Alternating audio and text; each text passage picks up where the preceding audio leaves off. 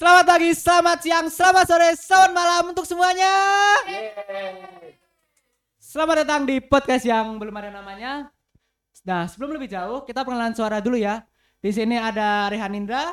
Ada Nadika di sini. Halo, aku Yuris Gara. Hai, aku Rofi Putra Sandi Halo semua, di sini ada Pak Rita Rahma. dan aku sendiri Fahri. Nah, kali ini kami akan menceritakan tentang sejarah peristiwa pemanggilan tiga tokoh Indonesia ke Dalat Vietnam. Guys, guys, guys, gimana sih cerita awalnya?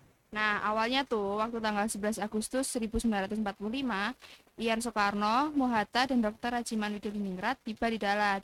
Sebelumnya, ketiga tokoh itu tiba pukul 7 malam di Saigon. Nah, saat itu barang-barang yang ada di dalam pesawat berserakan karena adanya guncangan pada pesawat yang mereka tumpangi. Wah, sebelum tiba di Dalat tuh ada peristiwa apa sih? Nah, sebelum mereka tiba di Dalat, ketiga tokoh ini menginap semalam di Singapura dan semalam di Sagon. Setelah sampai di Sagon, barulah mereka dibawa ke Dalat. Kemudian bertemu dengan Jenderal Terauchi yang merupakan panglima seluruh angkatan perang Jepang di Asia Tenggara. Wih, berarti Jenderal Terauchi itu pangkatnya tinggi ya. Waktu ketemu tiga tokoh tuh kira-kira gimana? Nah, perjumpaan dengan pemimpin militer tertinggi Jepang untuk kawasan Asia Tenggara itu pun terjadi pada 12 Agustus 1945. Marsikal Terauchi yang juga anak sulung Perdana Menteri Jepang Terauchi Masatake membeberkan alasan mengapa memanggil Soekarno, Hatta, dan Rajiman ke Dalat. Apa siapa sih? Kepada Bung Karno dan kawan-kawannya, Jenderal Terauchi ini ngaku bahwa pihaknya ini sedang di ujung tanduk. Leburnya Hiroshima dan Nagasaki serta rentetan kekalahan di sejumlah front perang Asia Timur Raya menjadi pertanda kuat bahwa Jepang nggak lama lagi bakal takluk.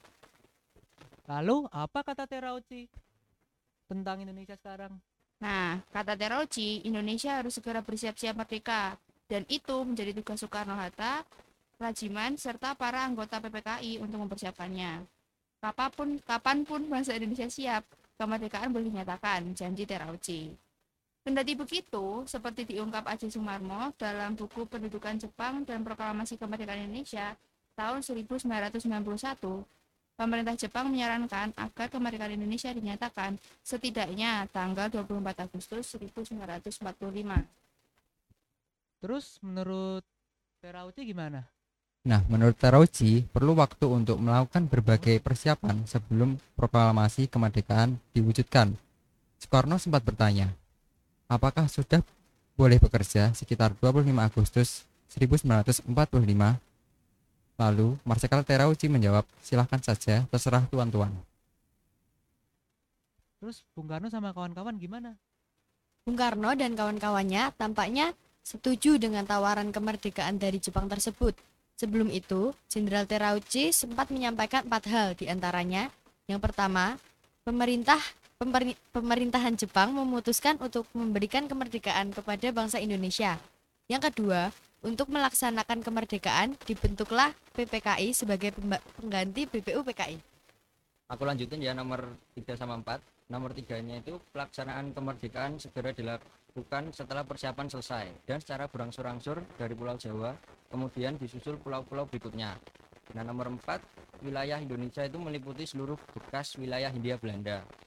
Eh, ada nomor 5, tanggal 7 Agustus 1945 diumumkannya pembentukan PPKI yang diketuai oleh Soekarno dan diwakili oleh Hatta. Wih, keren banget ceritanya ya guys.